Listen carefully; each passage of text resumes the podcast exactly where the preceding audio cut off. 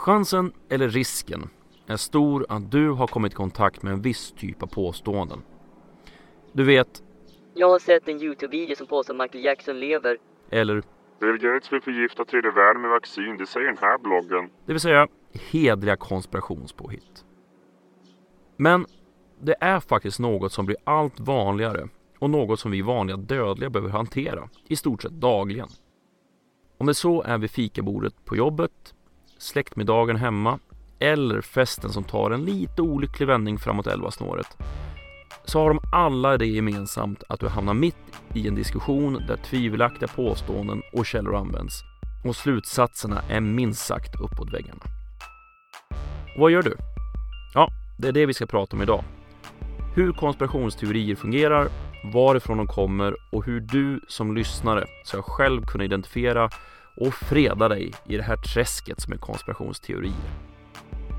Jag heter C. Åkerberg och du ska inte vara välkommen till det här metaavsnittet av Kvalificerat Hemligt. För det är vad de vill få dig att tro.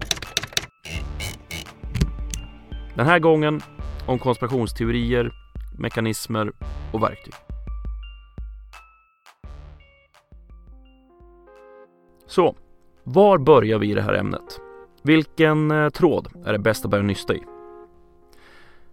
För att överhuvudtaget vara på banan så kan vi börja med själva ordet konspirationsteori. För har vi koll på den termen så vet vi också vad som menas när den används. Låt oss se hur orden konspiration och konspirationsteori definieras.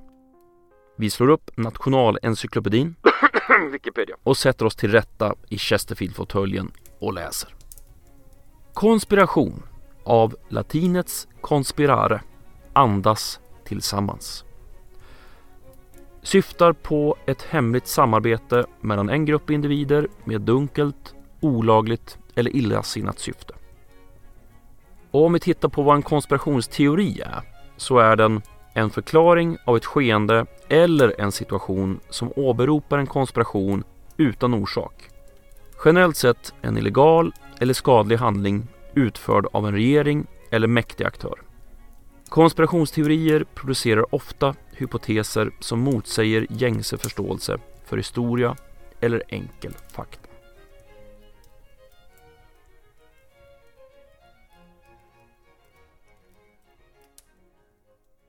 Alltså, för att upprepa och sammanfatta.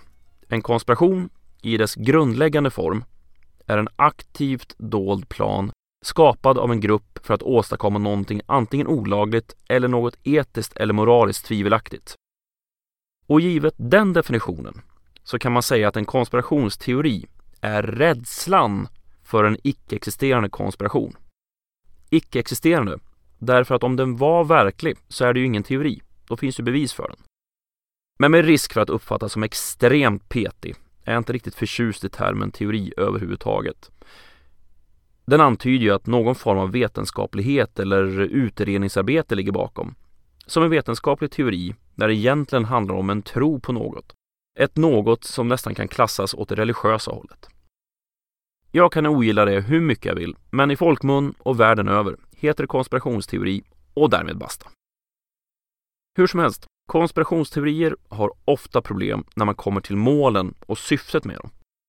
Frågar man en konspirationstroende varför till exempel USAs regering skulle ligga bakom 11 september så är svaret ofta kopplat till pengar eller makt. Men om man nu är så mäktig att man kan iscensätta en sån absurd komplex operation som 11 september-konspirationen hävdas vara så kan man ju undra vad dessa konspiratörer behöver mer pengar eller mer makt till överhuvudtaget. Det är svårt att hävda att konspirationstro har något tydligt ursprung i historien. Alltså att man inte kan säga att de plötsligt har uppstått ur en enskild händelse. Men i och med att vi människor är både ett berättande och mönsterseende släkte så kan man i alla fall anta att det är ett tänkande som följt med oss genom vår utveckling.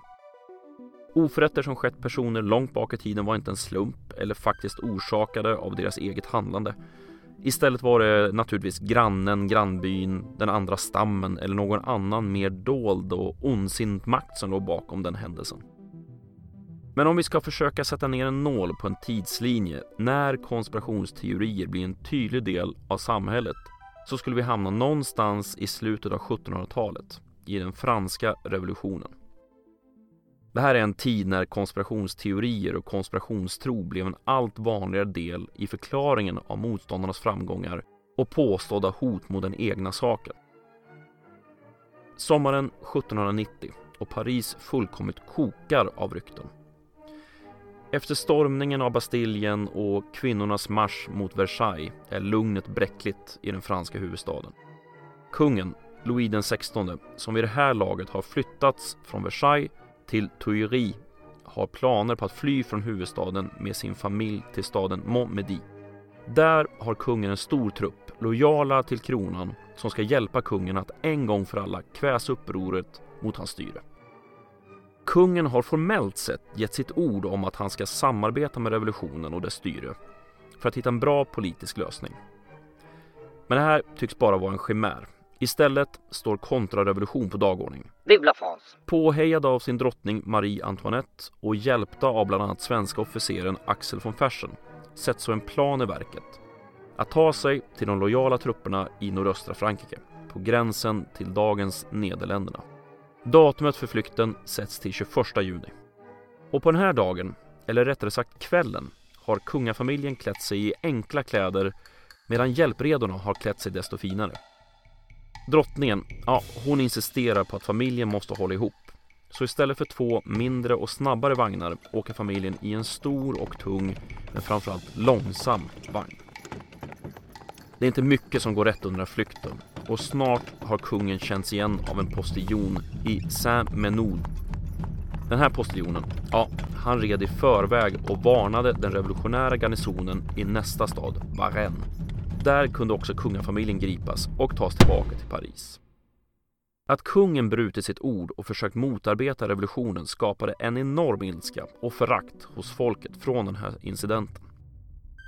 I den atmosfär av paranoia och konspirationstänkande blev den här incidenten bara ytterligare ett bevis på de krafter som konspirerade mot revolutionen.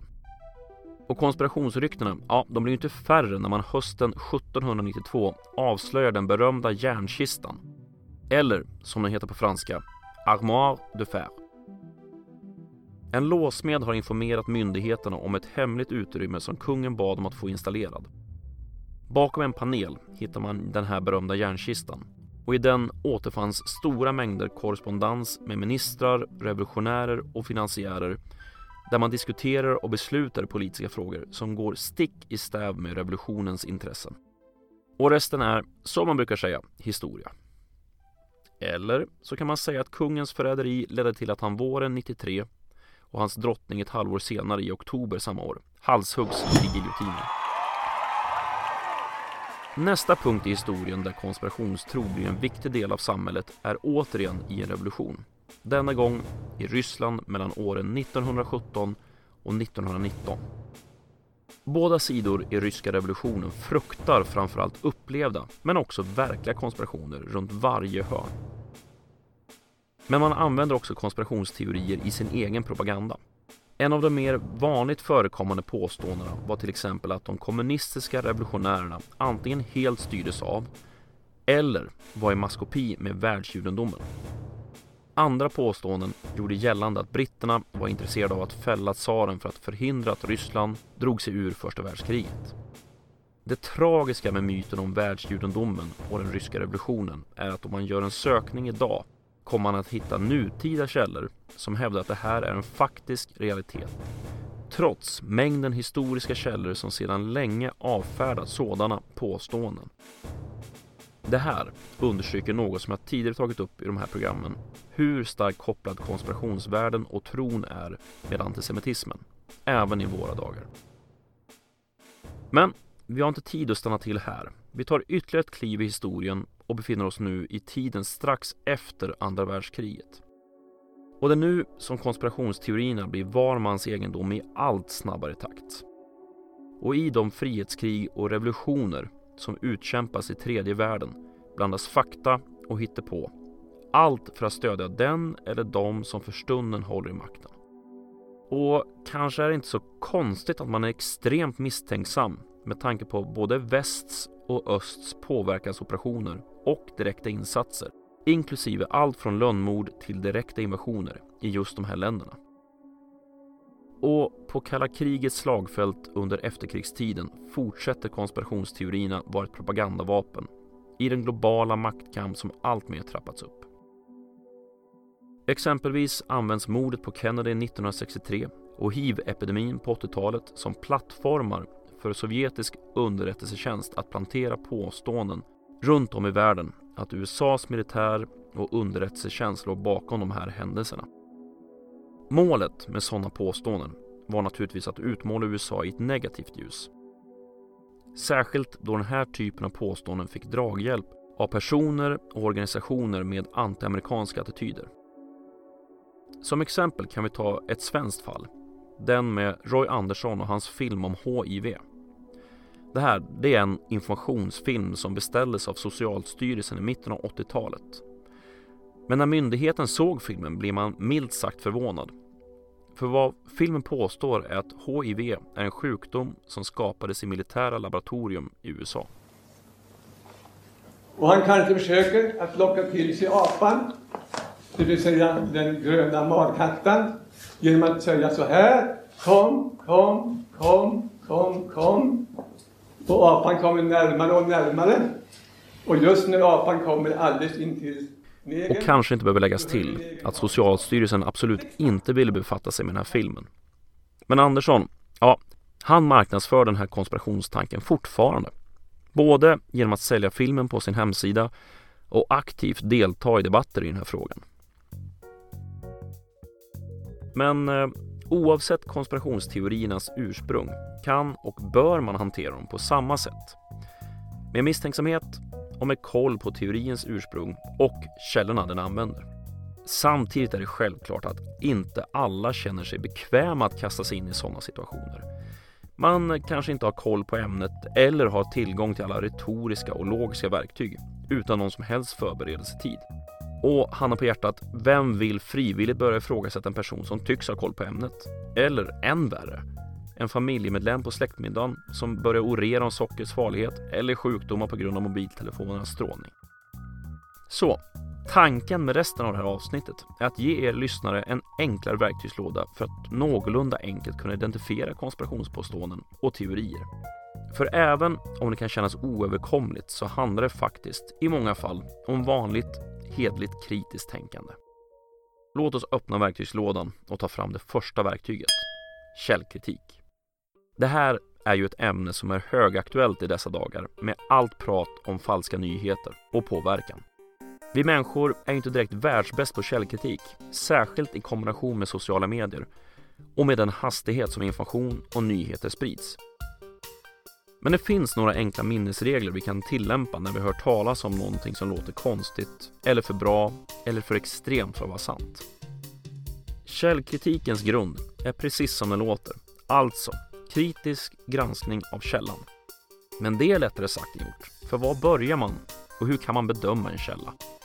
Ja, det enklaste och mest grundläggande tipset är att förhålla sig just kritiskt och tillämpa principen att ju mer uppseendeväckande påstående ett citat eller en nyhet är, desto bättre och tyngre måste bevisen vara. Men ibland räcker det inte med att ha en känsla av att något är fel med en källas påstående. Man behöver granska det närmare helt enkelt. Och i det här läget kan man ta sig en titt på vem som påstår något, om det nu är en person på Twitter, en tidning eller en blogg. Har hen eller till exempel bloggen skrivit om andra lika uppseendeväckande saker tidigare? Kanske det inte är ovanligt att andra konspirationsteorier och påståenden hittas bland artiklarna eller tweetsen. Och även om USAs president försöker bygga misstänksamhet kring etablerade medier så kan vi krast konstatera att majoriteten av professionella journalister och etablerad media är mer pålitliga i sin yrkesutövning än en generisk blogg eller ett Twitterkonto där ute. Sen, kanske den mest uppenbara åtgärden. Kontrollera att det som påstås faktiskt stämmer. Om det handlar om ett citat kan man ju kolla källan där citatet kommer ifrån. Säger kontexten och påståendet samma sak nu? För är det någonting som är extremt vanligt i konspirationskretsar så är det att ta ett helt eller delar av ett citat för att placera det i en kontext som tycks stödja den egna ståndpunkten. Logiska felslut. Den här kategorin skulle man lätt kunna ägna flera program åt. För det är inte bara så att det är ett komplext ämne. Det finns så många fel du och jag kan göra. Men vad är då logiska felslut? Jo, precis som föregående verktyg så är de exakt vad de låter som. Det vill säga att den slutsatsen man drar följer inte de ingående premisserna. Men även om det kan vara svårt att välja ut några favoriter passar vi på att riva av några av de vanligaste felsluten i alla fall, när det kommer till just konspirationsteorier. Första felslutet har ni nog råkat ut för upprepade gånger om ni varit i närheten av så kallade konspirationsteorier, vare sig om det handlat om kost, terrorism eller ufon. Med ett fint ord kallas det här felslutet qui bono, men i dagligt tal kan man säga vem tjänar på det? Vad är det för fel på att undra vem som tjänar på ett skeende då? Jo, det man kan säga är att det inte är per automatik så att någon ligger bakom en händelse bara för att hen skulle tjäna på det. Och det här felslutet är så närvarande i vår samtid att du inte ens kan kasta en glutenbemängd bulle utan att träffa en. Vem tjänar på det då va? Ytterligare ett felslut som många inom konspirationsområdet ägnar sig åt är det här med akademiska och professionella titlar. Det så kallade auktoritetsargumentet. Och felslutet kopplat till det här går ut på att påståendet blir sant bara för att du hänvisar till en persons titel. Nu säger jag inte att professionella eller akademiska tittare är dåligt i sig, långt ifrån det. Däremot blir det farligt när något blir sant för att en person har en doktorstitel eller till exempel är ingenjör. Tredje och sista felslutet vi ska prata om är förhållandevis enkelt. Principen är följande. Bara för att en förklaring inte kan förklara allt ned på molekylär nivå innebär det inte per automatik att alternativtron eller konspirationsteorin är korrekt. Även om det låter lite raljerande så är det ofta så här som samtal kring ämnen om konspirationsteorier utspinner sig. Kan du inte förklara exakt vad det där ljusfenomenet på himlen är och består av och var det kommer ifrån så måste ju teorin om utomjordiska besök stämma. Eller kan du inte förklara exakt på millisekunden hur World Trade Center-tornen kollapsade så måste konspirationen kring 11 september vara ett faktum. Komplett med hologramflygplan och kärnvapen i tornens källare.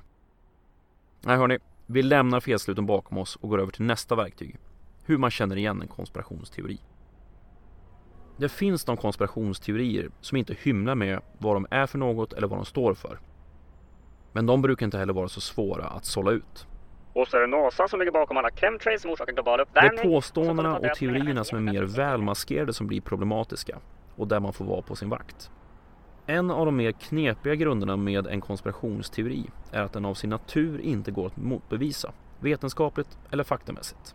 För alla bevis mot en konspirationsteori är egentligen bevis för samma teori. Om mörkermännen bakom konspirationen lyckas plantera bevis mot teorin visar det ju bara hur mäktiga de är. Alternativet till att bevisen planterats är kopplat till felslutet Vem tjänar på det? För personerna bakom konspirationen kan ju ha köpt sig lojalitet hos universitet, myndigheter, politiker och så vidare och så vidare. Det här sättet att argumentera förekommer när man pratar om dieter och Livsmedelsverket. Det förekommer när man pratar om läkemedel och Läkemedelsverket och det förekommer här när man pratar om mobilstrålning och svenska myndigheter. Det man bör ha hela tiden i åtanke när man granskar forskning och tittar på myndigheternas uttalanden och lyssnar på experter, det är ju att det handlar om väldigt mycket pengar som ligger i vågskålen om man konstaterar en hälsorisk med mobiltelefonerna. Det här är kanske den industri som är mäktigast i världen idag, mobiltelefonindustrin. Ytterligare en beståndsdel i konspirationen är det här auktoritetsargumentet vi var inne på lite tidigare.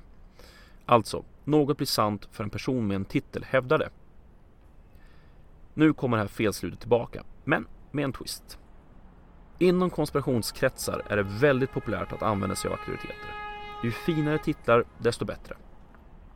Forskare, filosofidoktor eller kanske till och med Nobelprisvinnare.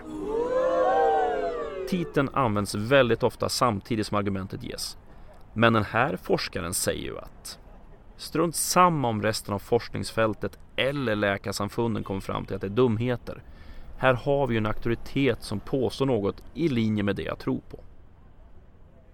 Men samtidigt som titel är ett argument för konspirationen så är det lika mycket ett argument mot den andra sidan och deras auktoriteter. För helt plötsligt är det extremt misstänksamt att en forskare uttalar sig i dessa frågor. Vem sponsrar hennes forskning? Mm? Och den där läkaren som säger att vaccin är säkra, han får säkert mutor från läkemedelsbolagen. Kort sagt, konspirationstroendes auktoriteter är bortom tvivel och oklandliga. Den andra sidans auktoriteter är alla korrupta, okunniga och oprofessionella. Vem sa att konspirationsteorier inte var enkelt? Konspirationsvärlden har inte bara en övertro på titlar. De har en övertro på konspiratörerna också.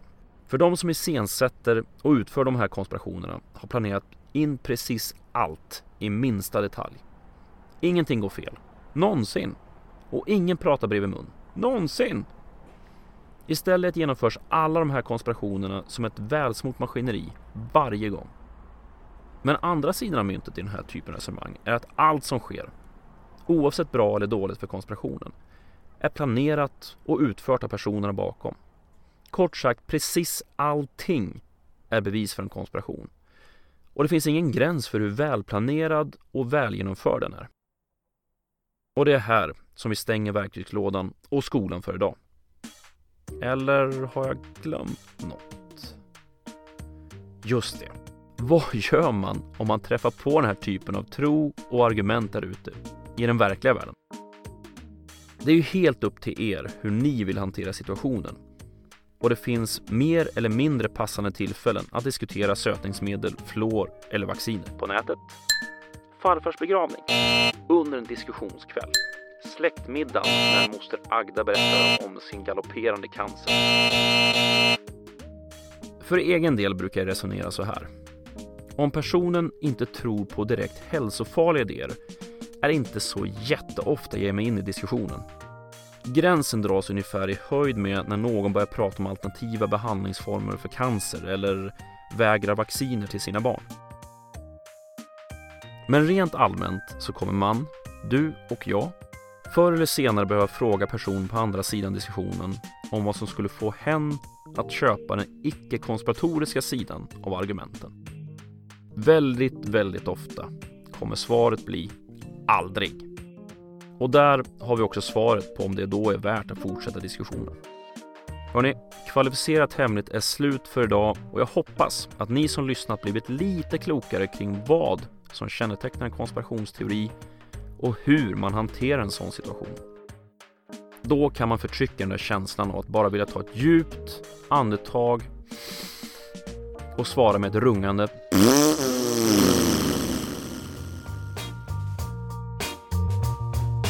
Du har lyssnat på Kvalificerat Hemligt, en poddradio om konspirationsteorier och vetenskap. Länkar till musiken, videoklipp och annat som nämns i programmet återfinns på programmets hemsida, khpodden.se. Jag heter C. Åkerberg och tack för att du har lyssnat.